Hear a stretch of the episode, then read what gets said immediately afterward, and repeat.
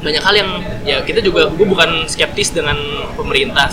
Tapi untuk di musik aja lu yakin mau memfasilitasi kalau misalkan lu infrastruktur aja lu masih ke polemik di dalam sendiri gitu sih. Oh iya iya sih. Bener. menghentikan atau menghambat atau apa ya? Mencekik sih kreativitas dari anak-anak muda. Iya nggak perlu satu m harus satu m cuman rilis album doang gitu kan itu mahal banget gitu kan 100 juta cuman rilis album terus jelek hasilnya kayak gitu kan gue baik lagi musik itu itu adalah hutan rimba Hmm. ketika lu adanya undang-undang ini menurut gue hutan rimba itu sebagai kayak di- babat.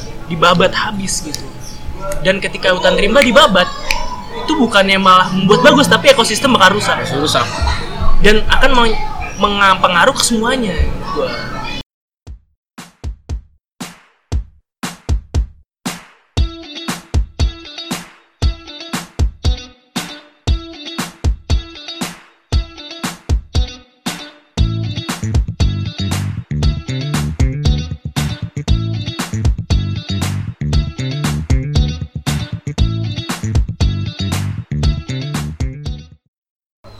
Selamat pagi, siang, sore, dan malam para millennials di mana pun kalian berada. Balik lagi bareng gua Rahmat di podcast Suami Suara Anak Milenial Eh, Episode pertama di tahun 2019 Semoga semuanya dilancarkan dan tetap konsisten ya. Kali ini kita sudah kedatangan Pengamat politik.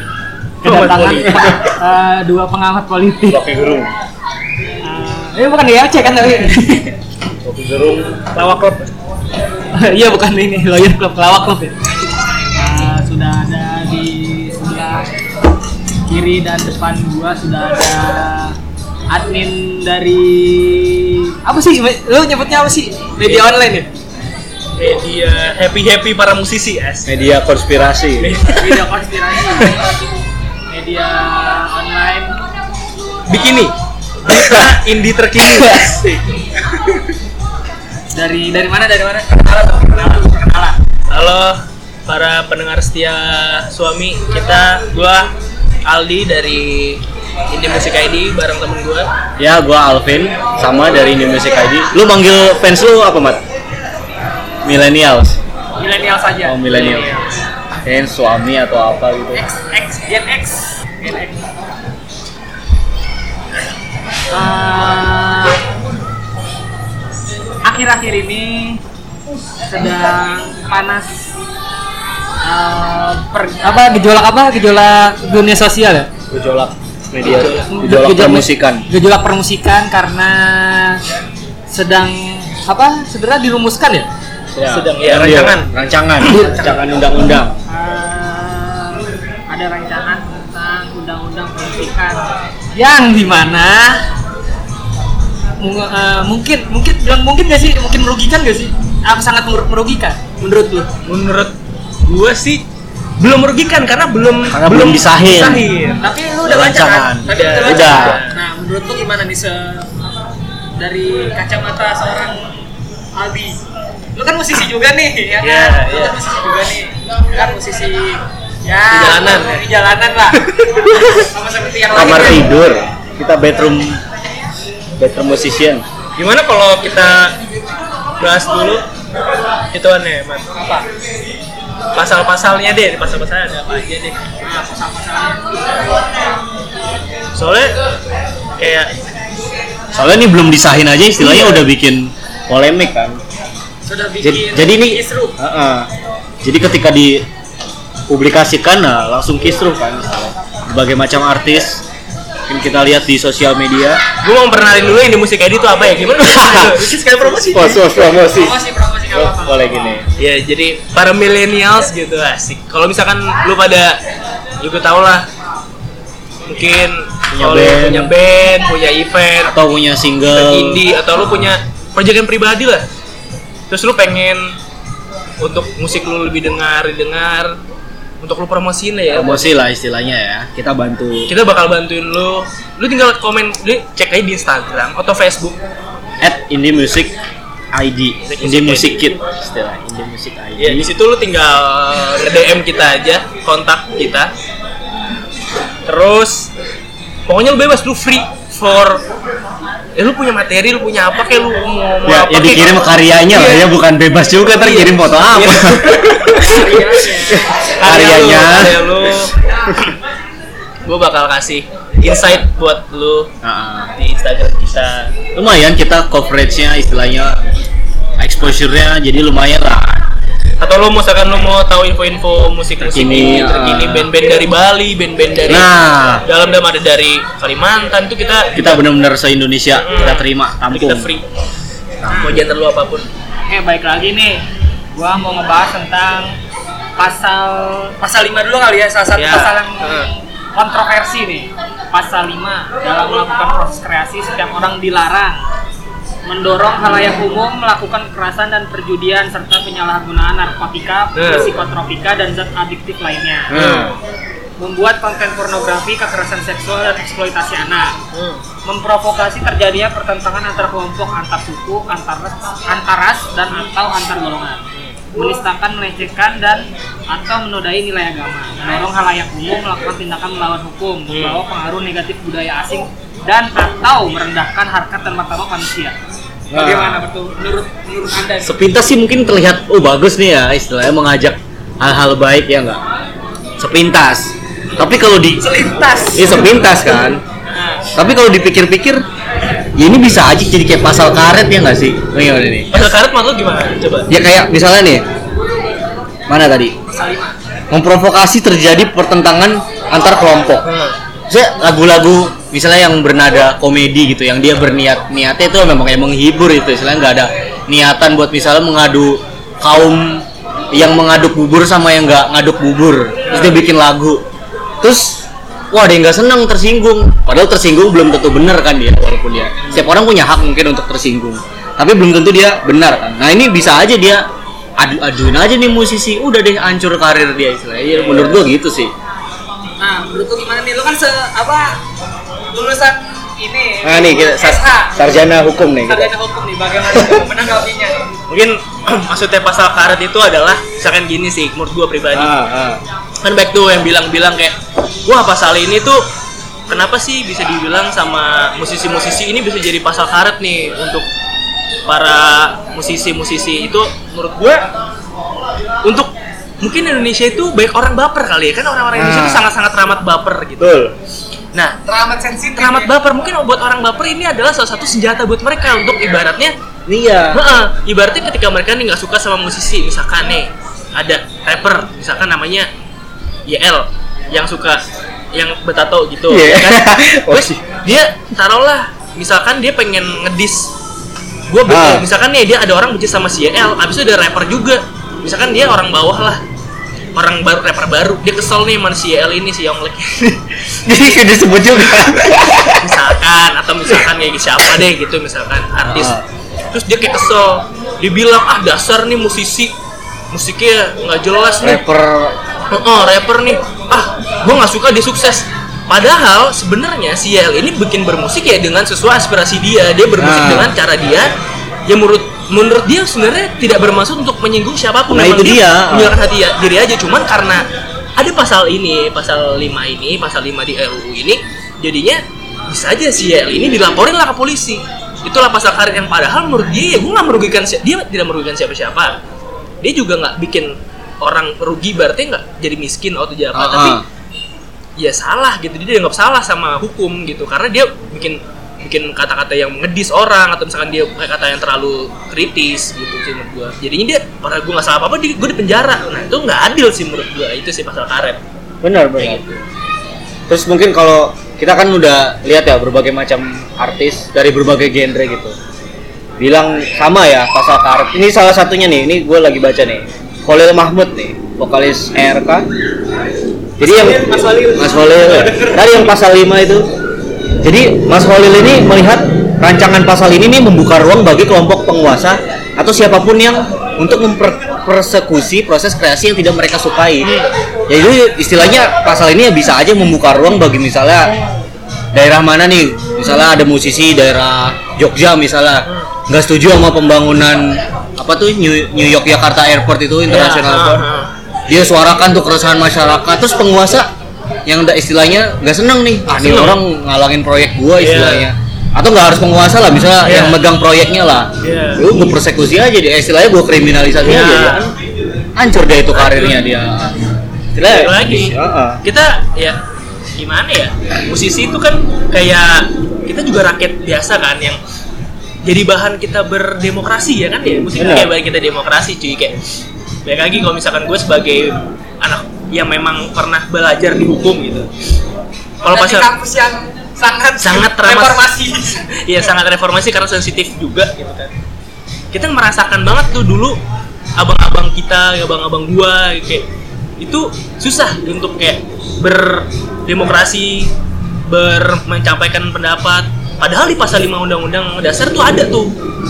Kalau dalam penyusunan undang-undang itu kan harus sesuai dengan balik lagi ke hak asasi manusia. Ah. Harus juga kembali lagi ke gimana ke rakyat itu sendiri gitu. Menurut gue kalau rakyat itu kebebasan memang berekspresi kan betul Itu ketika ya. mereka memang udah sesuai sama paham mereka ya wajar untuk RUU ini disahin. Cuman menurut gue ini sangat tidak bertentangan dengan pasal itu undang-undang dasar. Tapi kalau dijadiin RUU berarti dia yang bikin undang-undang ini bikin bapak-bapak yang kaum elit itu nggak berpandangan dari situ berarti dan itu juga salah sih menurut gua kalau misalkan dia menilai langsung menganggap hukum. Ini misalkan melanggar sara bla bla bla, kayak misalkan gitu. Tapi kan menurut gua nggak banyak juga sih musisi yang kayak gitu gitu. Paling dia menyampaikan pendapat ya sesuai hati dia aja. Iya. bukan untuk kebencian menurut gua sih. Heeh. cuma cur apa sarana curhat aja ya? Curhat aja iya. Aja. Kayak materi barunya ntar suami ada tuh yang curhat curhat Iya. Iya kan? Ya Bapak bridgingnya bagus banget Bapak. Bridgingnya bagus sekali Bapak. Bridgingnya bagus sekali. Ya iya. Apa gimana ya? Ya sekarang orang demo aja jago kalau didengerin Hmm. ya kan? Apalagi ya sekarang bikin dibikin eh, rancangan undang-undang kayak gini makin susah lagi orang iya betul. apa ibaratnya tahu apa dunia seluk beluk yang yang apa ya, yang mereka nggak tahu tuh ya makin susah akses untuk dapat berita tuh jadi lebih Iya, susah. betul. Ya kan? Terus lagi ya bener apa yang kata Jason Ranti juga kan curang Iya. ya kan ya sama kayak order order, order baru Iya betul sih itu. Apalagi sih ya lu tau lah JJ kalau Jason si Jason Rati kayak si JJ tuh musik-musiknya menurut gua Nyeleneh. nyeleneh dan nyentil nyentil gitu Nyentil, kan nyentil, apalagi dia ah. punya lagu kayak bahaya komunis Ah. Habis itu dia punya lagu-lagu juga yang juga Stefania menurut gua statement seni. statement yang memang sangat seni gitu kayak misalkan di lagu dia variasi pink yang misalkan kayak variasi pink yang aku mau hanya dia telanjang menurut gua Nah. itu kreatif ketika orang lu mikir secara memang berpikir baper atau lu berpikir pendek kata-katanya dia itu provokatif mungkin, Heeh. Heeh, oh ini ngajak orang nonton porno Iya, nih iya. berzina nih berzina cuma pengen berzina tapi kalau lu berpikir yang aku mau dia hanya telanjang maksudnya dia pengen ceweknya dia itu apa adanya nggak perlu lu cantik lu nggak perlu lu make upan itu kayak ketika lu masuk ke sini di pasal 5 lu sangkutin kata-kata itu lu jadiin dasar telanjang telanjang itu ya udah karena balik lagi emang musik kan subjektif istilahnya Iya, betul. sedangkan ini ditabrakin sama hukum yang objektif hitam putih Iya, istilahnya putih. padahal musik tuh warna-warni istilah Betul. tafsiran orang beda-beda ya ini yang menurut gua kayak nabrak gitu ini hal yang sebenarnya perlu memang kena ada naungan hukumnya cuma nggak terlalu harus sampai bener-bener diatur sampai perintilan-perintilan Iya. banget gitu. karena itu yang menghalangi proses bersen berkarya seni itu lagi istilahnya. Ya jangan dipukul rata lah. Hmm, hmm. lu mau bikin seni mau bikin suatu karya tapi harus ngikutin undang-undang ya pusing juga sih harus dipukul rata kayak gitu. Iya. Jadi ya patokannya sama mesti karyanya sama-sama juga. Nggak ini. Terus kita bahas pasal berapa lagi nih? Pasal ini nih kemarin. Pasal 20 apa lagi sih? Ada apa lagi sih? Pasal-pasalnya? Pasal, pasal ini nih yang menguntungkan industri besar nih katanya nih. Tadi gue baca tuh. Yang soal distribusi. Oh, ini pasal berapa tuh yang tadi aku baca? Yang eh jadi kayak kafe-kafe itu harus pakai musik tradisional. Ah, tradisional. Nah, ini ini lagi nyetel lagu apa nih? Di Nah. kafe ini. Ntar lagi kita di penjara nih. Nah, iya itu masa kan iya itu dia tuh kayak pasal-pasal kayak menurut gua nggak relevan juga ketika kayak lu ya boleh ibaratnya boleh gitu dalam dalam musik itu hal baik istilahnya Itu nyetel menurut lagu tradisional ya oke kata-kata- cuma kayak ma masa tiap hari juga istilahnya kan istilahnya orang musik kan nggak cuma musik tradisional istilahnya mungkin untuk hari-hari tertentu boleh lah itu diwajibin lah misalnya hari Kartini, hari apalagi hari-hari nasional boleh lah di setel Ya. di tempat umum yang memang wadahnya pas gitu. Iya. Baik lagi tambah, ini kan pas masih kan pasal 6 nih. Ini kata-kata perintah pusat dan pemerintah daerah sesuai dengan kewenangannya memfasilitasi sarana dan prasarana musik di masyarakat. Sekarang gue tanya nih, kayak pemerintah memfasilitasi sarana musik masyarakat bla bla bla bla deh. Menurut gue itu terlalu naif cuy. Norma normatif ya. Terlalu enggak, menurut gue terlalu naif ketika dia bikin kata-kata kayak gitu karena menurut gue Emang lu mau fasilitasi pemerintah beneran? iya pemerintah aja menurut gua nggak akan mau juga ya susah. Ibaratnya kita musisi-musisi indie nih. Hmm. kita butuh wadah untuk bermusik aja tuh kayak kita Susah. kerja kerasnya tuh gokil banget gitu. Kayak kita mesti masukin band kita kita mesti seleksi dulu kita mesti kayak di tes dulu dilombain dulu baru kita bisa masuk. Ketika lu memfasilitasi menurut gua naif juga lu bilang kayak gitu. Karena lu politik aja juga banyak hal yang ya kita juga gue bukan skeptis dengan pemerintah. Tapi untuk di musik aja lu yakin mau memfasilitasi kalau misalkan lu infrastruktur aja lu masih ke polemik di dalam sendiri gitu sih Oh iya iya sih bener juga sih. gue gitu ketika lu ibaratnya lu tender gitu-gitu ya lu ribut sendiri masalah ini aja lu ngambil ini aja ngambil uh, project aja kayak ribut sendiri ini musik menurut gue gue nggak mau sih musik dicampurin sama politik gue pribadi gitu. Iya. Semua semua musisi juga ya berkata lu ngapain politik ya? Iya betul dan ketakutan gue adalah gini banyak acara-acara gede kayak misalkan eh, ini Java yang di Jet. Bandung apa? Kan dulu Bandung Bersih sekarang adanya Hellprint Ya help nah Hellprint tuh dia tuh bagus waktu itu gue lihat. Jadi Hellprint itu sempat dideketin sama partai politik buat politik cuy. Buat, buat kampanye. Heeh, dia sampai akhirnya dia ngepost di Instagram dia kami ini bukan acara untuk menyebarkan politik. Itu menurut gue bagus tapi ketika masyarakat eh sorry ketika pemerintah masuk dia memfasilitasi musik lu kayak gimana lu bayangin ketika memang keadaan lagi politik politik panas kayak gini Ah. ya kan pasti partai-partai yang itu kan masuk Iya. dong Lu boleh nih manggung sini Iya. tapi ini dong. nah Ah. itu pasti ntar ujung-ujungnya lu lagi manggung nih Jason Ranti Pitching pitching. Jason Ranti manggung kan ya kan tiba-tiba tapi Jangan lupa coblos. coblos ya PDI pret gitu gue nggak mau kayak gitu cuy kayak nggak bagus gitu atau nggak misalkan Fis ketika dia ketika dia bikin lagu tentang yang apa yang Kami belum tentu yang kami. bukan. ya misalkan gitu kami buntut dia lirik-lirik dia memang sangat Agak sangat nyentil. menyentil Nyentil sih. reformasi itu yang kata-kata dia yang kabar duka yang apa sih lagu lupa tuh lagu dia yang tentang tentang reformasi itu yang pokoknya yang Kabar kematian. ya. kabar kematian nah itu liriknya menurut gua kan sangat reformasi tuh tentang reformasi yang teman eh apa sih eh, anaknya mati kan Ah. ibaratnya relakan ibu-ibu itu kan gitu menurut gua ketika dia gitu terus dia main di politik menurut gua nggak cocok sih nggak bakal masuk gitu Apa bertolak belakang sekali ini? Betul sekali karena Ah. ya ujung-ujungnya yang menyebabkan kejadian itu adalah politik gitu balik lagi gitu Terus yang lebih ini tuh masalah kompetensi. Hmm. Kompetensi tuh masuknya di pasal 20 20 ya? Iya pasal 2 Iya pasal 20 Penyelenggaraan musik harus didukung oleh pelaku musik yang memiliki kompetensi di bidang musik. Nah, dalam dalam hal ini kompetensinya itu pendidikan formal, pendidikan non formal, dan pendidikan informal. Nah.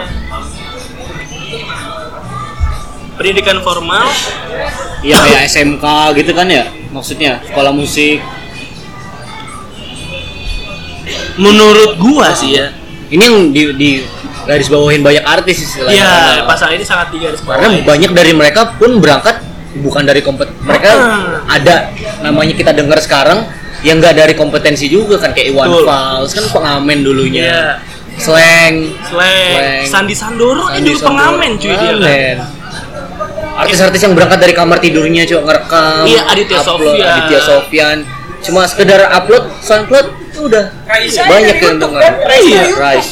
Kayak buat apa gitu uji kompetensi? Sedangkan yang tadi kita bilang seni kan subjektif. Iya. mau dinilai pakai parameter yang jelas gitu objektif kan?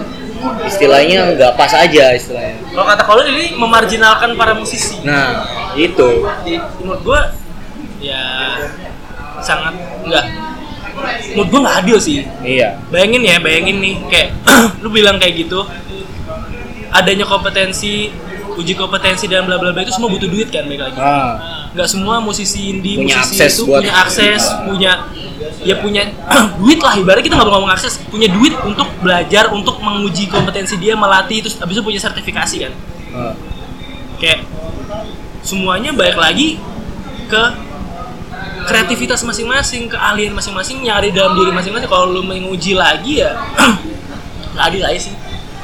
tapi gua kemarin gua lihat YouTube-nya Anji yang wawancara anak itu katanya itu untuk para kalau misalnya gua nggak salah denger ya, untuk eh, para musisi yang baru setelah kalau misalnya eh, rancangan undang-undang ini jadi Hmm. untuk yang lama-lama itu nggak usah karena udah udah ada karya ngerti gak lu? Kocak kan Itu kata Anang. iya gimana menurut lu? Menurut gue ya. Itu karena dia udah sukses. ya gue udah bisa karya. Selalu gue bebas dari RUU ini gitu kali dia mikirnya. Oke dia kan di, di, di atas Iya, dia juga sekarang dia memegang akses tersebut. mungkin si si Om Anang ini dia melihat dari kacamata orang kaya kalau gue pribadi bukan dari kacamata orang yang memang ada di bawah, di bawah. karena musisi gue nih musisi baru ya misalkan nih lu untuk bapak-bapak yang punya bapak orang kaya kayak lu memang lu misalkan lu ah gue mau main musik ah gue dia tinggal bilang bapaknya kayak pak minta duit pak aku mau Dibeliin jadi komposisi. gitar. aku mau sertifikasi mau les musik nih biar aku dapat sertifikat biar aku jadi musisi duit les. ketika tapi ada orang dari daerah dari Kalimantan mungkin gue banyak banget sih ngeliat kayak band-band di Band Indonesia Papua lah. iya di Indonesia Gimana itu sih? banyak tuh band-band kayak indie band-band menurut gue bisa ditanda kutip teman-teman kita yang memang biasa aja gitu ya Ah. bukan yang dengan fasilitas musik yang gila dengan harga yang jutaan rupiah eh, ratusan juta Tapi punya niat gitu loh. Mereka Ah. nge-reach ke kita, tolong dong. Istilahnya kita Iya. dengan senang hati gitu loh membantu mereka. Iya. Tapi dengan adanya kayak gini ya, istilahnya membatasi ruang mereka berkarya juga Betul, sih. betul. Ketika dia baru musisi baru dia nggak ber undang-undang direncanain, dicanangin, disahin. Habis itu dia baru bikin tuh, baru bikin musik rekaman. Habis itu dia di di band sama pemerintah. ada tesnya kali ya ntar nanti kalau misalnya di apa misalkan jadi aja Iya. ya jadi musisi aja kayak UN Iya, makanya. baca not balok Tahu juga anjir. Main pianika. iya main pianika dulu aja guys deh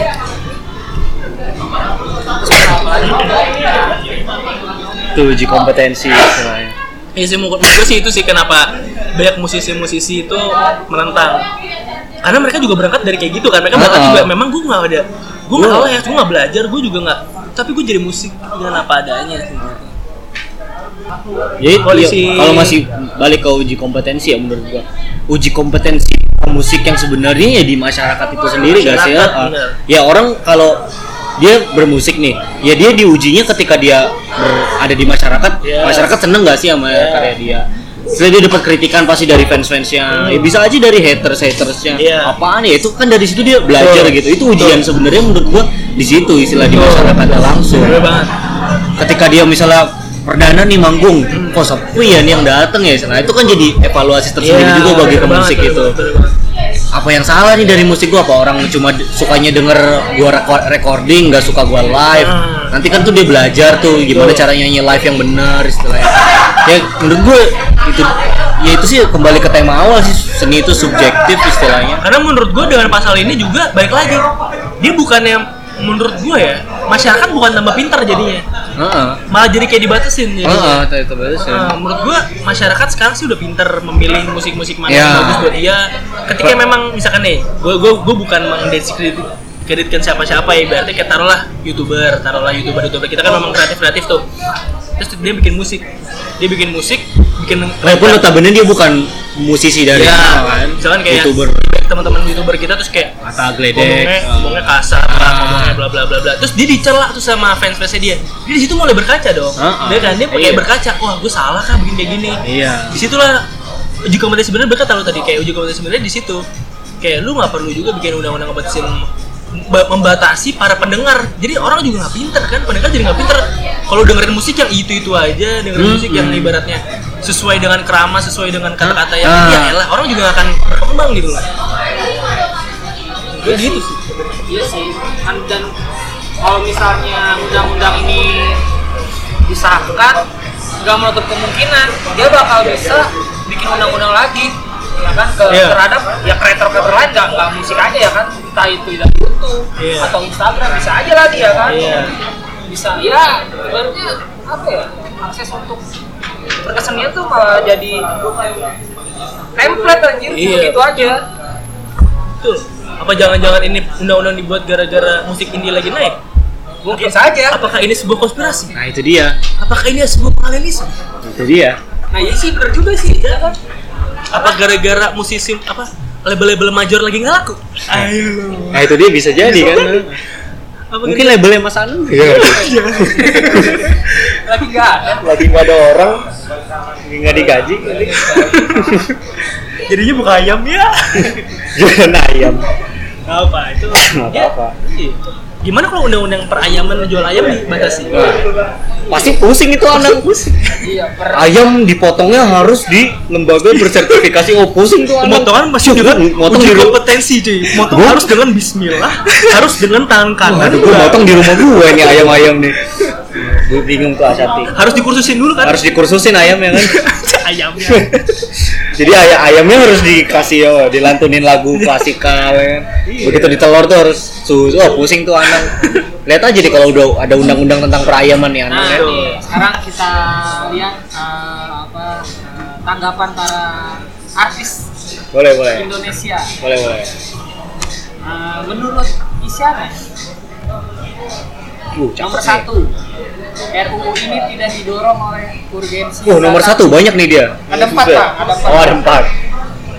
RUU, RUU ini tidak didorong oleh urgensi yang datang dari masyarakat musik. Asosiasi idealnya bottom up, bukan top down, bukan top down. Dua, definisi pelaku musik tidak bisa disamaratakan. Nah, yang kita omongin kan. Iya. Jadi ada yang bisa distandar standarisasi kompetensinya seperti guru musik, pelaku musik, instrumen klasik dan sejenisnya, tapi tidak performers jazz, pop dan sejenisnya. Karenanya ujian kompetensi bagi semua pelaku musik tidak masuk akal. Betul. Pakai tanda seru cuy. Betul, kesel dia. Gila. Itu orang yang pinter cuy, dia sekolah di Inggris loh. Si Isyana tuh sekolah musik di Inggris jauh, tapi dia bisa bilang kayak gitu. Oke. Bila sudah dirasakan ada kebutuhan untuk menyusun standar kompetensi, biarkan asosiasi asosiasi pelaku musik bertumbuh dan mengembangkannya. Tiga, perlu diperhitungkan sejumlah sekolah musik mempunyai standar kompetensi yang ter terafilis Afiliasi. Iya, afiliasi dengan standar internasional, ABSN, Yamaha dan sebagainya. Juga ada pelaku musik yang lulus dari pendidikan musik luar negeri seperti saya Iya. dan memenuhi kompetensi internasional. Apa masih perlu ujian kompetensi nasional? Hmm. UN. kata dia pada bagian menimbang dalam naskah akademik dan RUU tidak sedikit pun menyinggung tentang masalah kompetensi tetapi hanya tentang penyelenggaraan, perlindungan, pendataan dan pengarsipan jadi dirasakan tidak ada urgensinya sama sekali untuk diatur. Best Rega, Isyana Sarasvati. Oke. Itu musisi jenius cuy, Isyana tuh jenius banget kan. Menurut Anda bagaimana di sana? Cantik sih. eh kurusan Pak di sana Pak. Kenapa kurusan dia? Iya. Udah mau kawin kali. Waduh. Adanya udah. Menurut gua apa ya? Nah ini poin satu dia aja udah bener banget nih. Hmm. Kayak tahu-tahu RUU ini ada gitu kayak yang yang tadi kita omongin sebelum recording ini istilah musik istilah suasana musik kita istilah skena kita lah biasa-biasa aja Iya, gitu lagi nggak ya lagi iya, nggak ada isu apa-apa kayak nggak nggak ada yang sampai berantem apa ada yang perang gara-gara musik kan enggak istilahnya. Terus tiba-tiba deh muncul RUU ini tahu? Du- Agustus 2018 ya ini kan di di rancangan ini kan. Kayak lagi nggak ada apa-apa tahu-tahu muncul ini. Jadi yang bener nih dia bilang ini bukan bukan bottom up tapi top down istilahnya tahu-tahu dari pemerintah langsung nih Iya, harus iya, di- bukan di- berangkat dari bawah Dicekokin. Heeh. bener nih poin satu dia istilahnya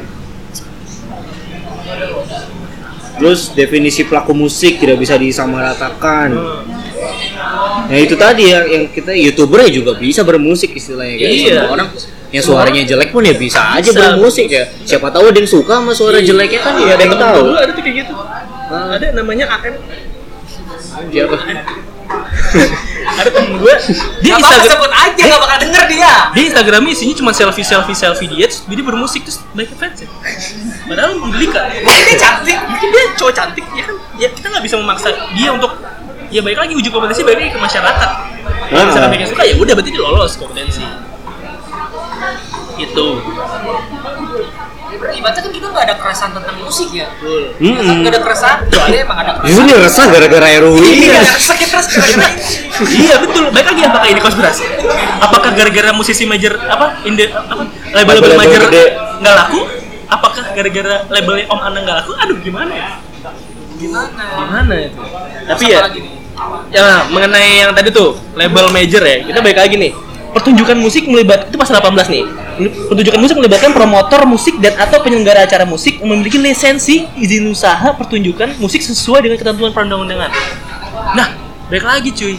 Sekarang kan mungkin kayak gue ya gue sebagai uh, admin indie musik ID gue sangat teramat sangat mengekspos tuh acara-acara indie acara event-event yang dibuat bareng-bareng kayak anak-anak muda. Sekarang tuh baik banget tuh acara indie tuh acara yang bikin kecil tapi menurut gue sangat teramat sangat dan gak uh, terbatas sama anak sekolahan ya uh, misalnya nggak? Sangat-sangat kreatif menurut gue Oh, oh. kayak eh, dia da- bikin acara nih di kafe dia bikin acara di mana. Menurut gua itu kalau misalkan dibatasin dengan pasal 18 ini yang mesti dipunya lisensi punya apa namanya dia harus sesuai dengan peraturan perundang-undangan menurut gue itu sangat tidak apa ya menghentikan atau menghambat atau apa ya mencekik sih kreativitas dari anak-anak muda Baik lagi, lu kalau misalkan lu harus punya lisensi, lu promotor besar, oke lah lu punya duit kan, lu punya duit gede, lu punya banyak duit buat bikin acara. Terus kalau misalkan lu orang anak-anak baru lulus kuliah atau lu baru SMA, terlalu pensi cuy, masih Pensi? anak-anak SMA gitu kan. masih di bawah naungan sekolah Iya, di bawah naungan sekolah gitu, anak-anaknya yang umur masih di bawah 21 tahun kan. Berarti nggak bisa dong kayak gitu. Terus musisi-musisi yang memang cari duitnya di situ makan di situ kehambat juga dong. Oh. Ya harus ada perizinan juga kan. Iya. Biasanya kan kalau misalnya ah malas aku perizinan ribet-ribet ya kan. Yang sebelum ada ini misalkan ada perizinan yang sulit atau segala macam juga udah ya malas lah ibaratnya apalagi Iya. ada ini. Iya. Di, lebih disulitkan. Jadi sulit tuh. Terus tambah juga kan sekarang nih kayak lu lihat lah sekarang juga baik banget musisi-musisi luar kan yang datang ke Indonesia ada Iya. kayak taruhlah acara cuy yang bagus tuh Lokatara tuh. Katara. Lokatara. Fest itu. Atau enggak. Murah tuh musik galeri itu yang bakal kita ntar kita dampingin tuh acaranya tuh punya Uki tuh ya kan. Itu itu itu ada musisi luarnya juga tuh. Terus ada juga kayak misalkan acara kampus Sounds Project ya kan? Ada Sounds Project. Terus juga ini teman kita tuh ada kemarin baru bikin acara Nasakom Sakom.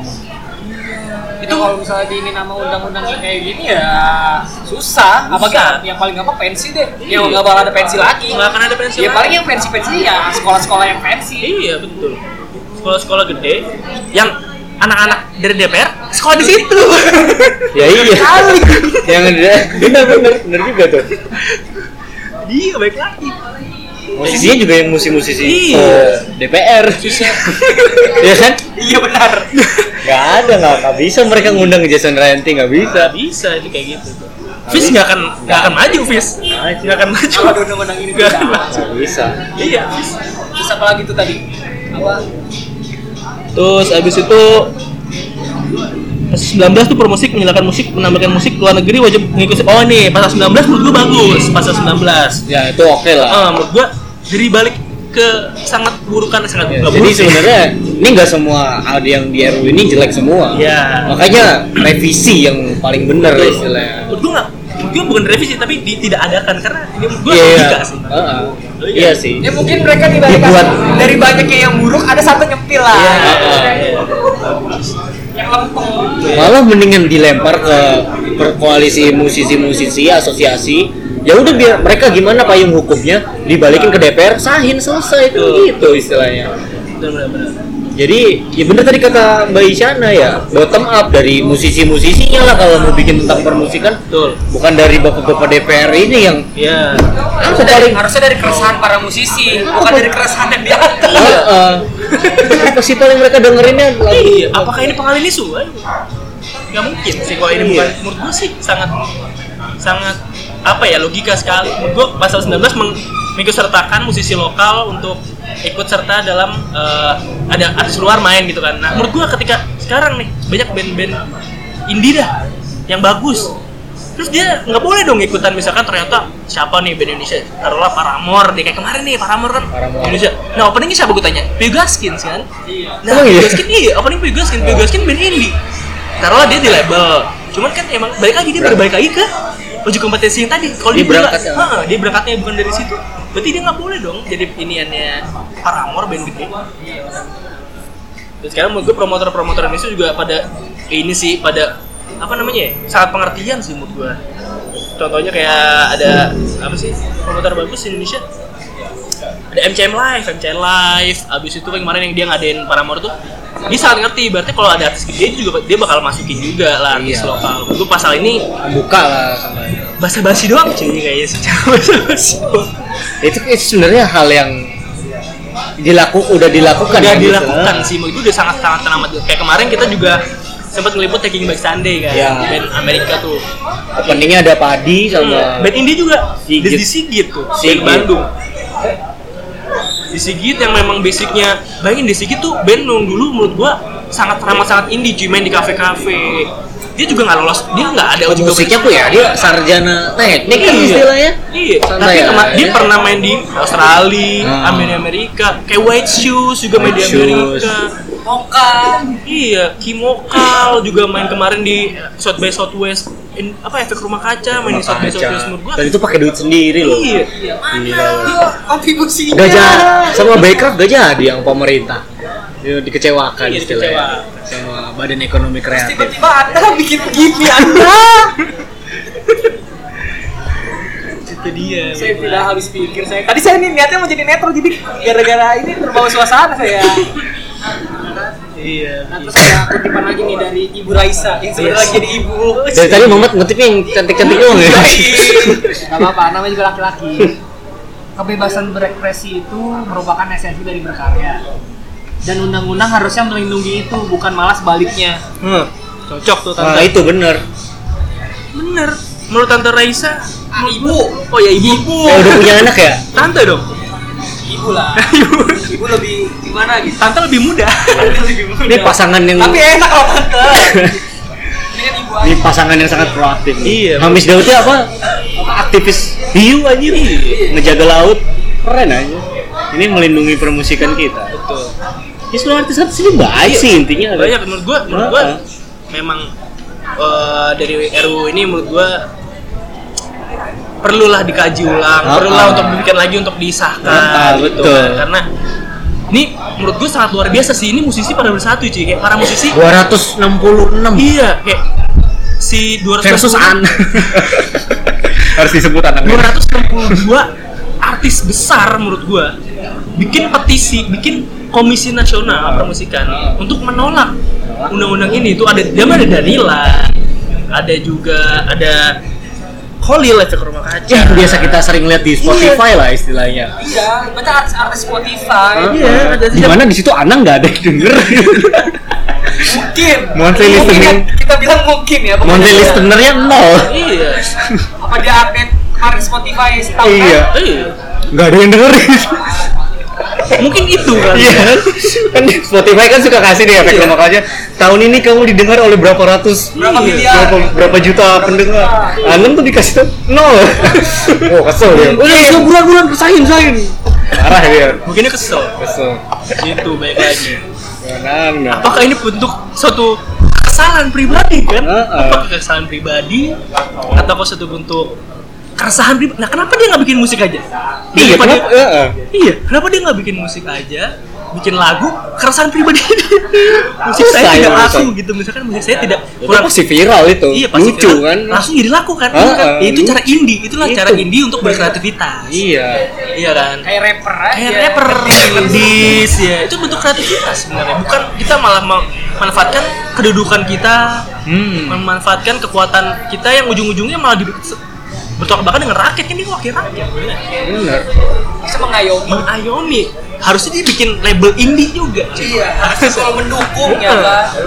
Iya, yang bayarnya murah gitu ya, kayak 10 juta udah bisa dapat manggung tur seluruh Indonesia. Wah, All in. all in. Iya nggak perlu 1 m harus 1 m cuman rilis album doang gitu kan, itu mahal banget gitu kan. 100 juta cuman rilis album terus jelek hasilnya kayak gitu kan gua. Curhat pribadi. Tidak apa-apa. Dan gue lihat di petisi yang dibuat Danila ini, yang buat Danila ya? Ya yang buat Danila, yang bu- dibuat Danila ini udah ada 182.968 detik ini ya. 100 800 wah gila. 180 ribu. 180 ribu? 183 ribu lah. Hmm, kita bulatkan. 200 juta eh 200 juta 200 ribu lah. 200 juta. ribu ya kan? Iya 200 ribu 200 ribu. Gue belum tanda tangan tuh ya masalahnya teman-teman gue yang musisi itu yang apa yang punya band itu yang tadinya diem di grup sampai ngirim petisi ini ke grup kan heran Hebat ya. Keajaiban gak usah muncul. Bro, bro. Ini hidup gua nih. Betul, hidup dia Terancam. gitu. terancam Cepuh. DPR anggota DPR. Jadi guys kita di sini lagi diintai Kita guys. dipantau. Kita dipantau. Kita ini, ini kita harus lebih berhati-hati. Cuman nggak apa-apa. Kita menyuarakan inspirasi, aspirasi. Walaupun bisa kita ditangkap gak apa-apa. Baru pertama kali podcast langsung ditangkap kan. Epic. Penting tapi cara kita indie nih, Ah, kita indie, indie. indie, indie. Jadi kita terkenal, kita bikin juga. Kayak Master Jerings ya kan, Jerings suara Wah, musik. Jerry. Hebat ini Jerry. kalau kita ditangkap juga kayaknya banyak yang bantuin sih kayaknya kayaknya ya Iya. Biarin lah, nggak apa-apa. karena kan kita ngomongin ini nih Ya nggak apa-apa juga sih, gue juga amit-amit ya. Cuman ya, iya pak saya skripsi pas itu mah enak daripada lulus udah Hah? udah itu aja apa ada yang mau dibicarakan lagi apalagi ya? Banyak sih sebenarnya. Pesan dan kesan kali ya? Eh, Apa pesan ya? Pesan ya? Pesan, ya. Pesan sih. konklusi Konklusi, conclusion, closing statement. Eh, sebenarnya yang gue bingung sih gue gue cuman resah aja sih karena gue sebagai penikmat musik sebagai Musisi. juga pengayom musik terutama India dengan gue memang punya media yang memang khusus dan spesial gue khususin untuk teman-teman teman-teman Indonesia di Indonesia ini musisi-musisi Indonesia untuk bisa lebih dikenal lagunya bisa lebih dengar kalau dengan ada undang-undang RUU ini gitu gue sangat sangat ramah sangat sangat sedih sih. Karena dia sangat ramah sangat dibatasi. Kita dicekik bakal baik lagi. Kayak orde baru dulu kita nggak bisa beraspirasi dari musik gitu. Kita tuh bukan masyarakat yang pembangkang menurut gue kita bukan masyarakat yang banyak yang onar banyak yang ngelakuin hal-hal buruk. Terutama musisi kita kan sebagai musisi tuh hanya berkarya bukan ngelakuin hal yang buruk gitu. Kalau dibatasin adanya undang-undang ini ya gue pribadi nggak nggak nggak agree sih. Karena baik lagi musik itu itu adalah hutan rimba. Hmm. ketika lo adanya undang-undang ini menurut gue hutan rimba itu sebagai kayak di- babat. dibabat habis gitu. Dan ketika hutan rimba dibabat itu bukannya malah membuat bagus tapi ekosistem bakal rusak Rusak. dan akan meng- mengapengaruh ke semuanya gua gitu sih Soalnya pemusiknya kalau diibaratkan hewan-hewan yang hidupnya udah kabur semua udah itu. kabur mati Punah. punah semuanya Nggak ada hewan baru lagi di Betul. situ. Ya udah. Nggak ada hewan baru lagi Lahan kosong udah. Iya, Istilahnya. rusak lah jadi bumi itu Ya isinya cuma lagu-lagu yang mengagung-agungkan DPR mungkin. Aku cinta DPR. Aku cinta. Udah gitu-gitu semua lagu yang Iya, mungkin sama. jadi pilih presiden yang baik untuk Wah. 2019 Jadi presiden ya. Padahal ini DPR ya. jadi pilpres Ini lagi bahas legislatif. pilih Nur Hadi tuh Nora Aldo mendukung menolak Iya, RUU. Jelas lah mereka ada di sisi siapa. ya lu Pin apa Pin Jadi, ada konklusi Konklusi dari gue mungkin ya sebagai mungkin gue bukan musisi ya, tapi gue ya tiap hari denger lagu lah istilahnya ke kereta di di rumah. musik is my life lah Iya deh, tadi tadi gue hujan sampai gak tahu lagi hujan tapi gue lagi ngebles musik gue istilahnya.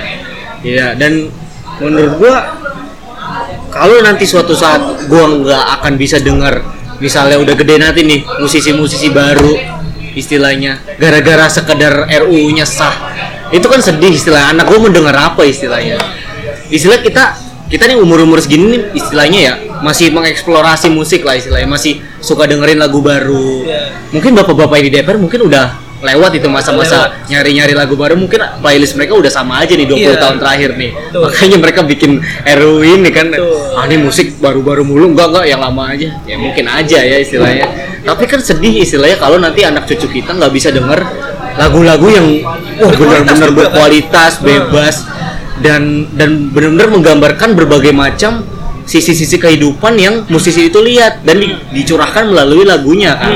Karena sekedar dibatasi oleh RUU ini pandangan-pandangan si musisi ini jadi terbatas gitu. Terbatas. yang dia harus curahkan lewat musik jadi terbatas ya Cak. kosa katanya aja dibatasi distribusinya dibatasi istilahnya. Gimana kita mau dengar hal yang benar-benar otentik istilahnya. Gue sedihnya di situ aja sih. Iya. jika RUU ini ya tidak direvisi samsek gitu. Makanya ini adanya petisi dari tadi Mbak Danila artis-artis bersatu ini ya kan intinya kan biar direvisi. Gitu lah. walaupun mungkin nggak di nggak ditolak ya. Seenggaknya direvisi lah istilah jadi lebih baik. Di, dikembalikan ke artis-artis ke musisi-musisi tersebut sehingga bener gitu jalurnya bener-bener dapat uh, hal yang bener-bener jadi isu musisi kayak hak paten, Nah. hak cipta, itu yang harusnya dilindungi oleh negara istilahnya aset-aset negara kayak musik mungkin difasilitasin manggung di luar negeri atau di Iya. mana harusnya begitulah Iya. Betul banget. itu sih dari gua Ah, mungkin sekian saja podcast episode pertama di tahun 2019. Ah, seperti biasa ah, ambil positifnya dan buang negatifnya anjay. Gue gitu, gue gitu kalau di. Oh, iya. Yoi. Gitu. Ah, dan jangan lupa podcast kita tersedia dan bisa didengarkan di Spotify, di SoundCloud, di Apple Podcast dan di Anchor.fm. wih gokil Ah, oh ya buat kalian yang pengen curhat mengenai pekerjaan, ya kan percintaan atau punya cerita-cerita unik dan seru bisa kirim email ke kita di kirim at kirim ke suami at gmail.com dan untuk info terupdate kita bisa cek eh, dan follow Instagram kita di @suara anak milenial. Gua Rahmat Tamir pamit undur diri. bye bye. bye bye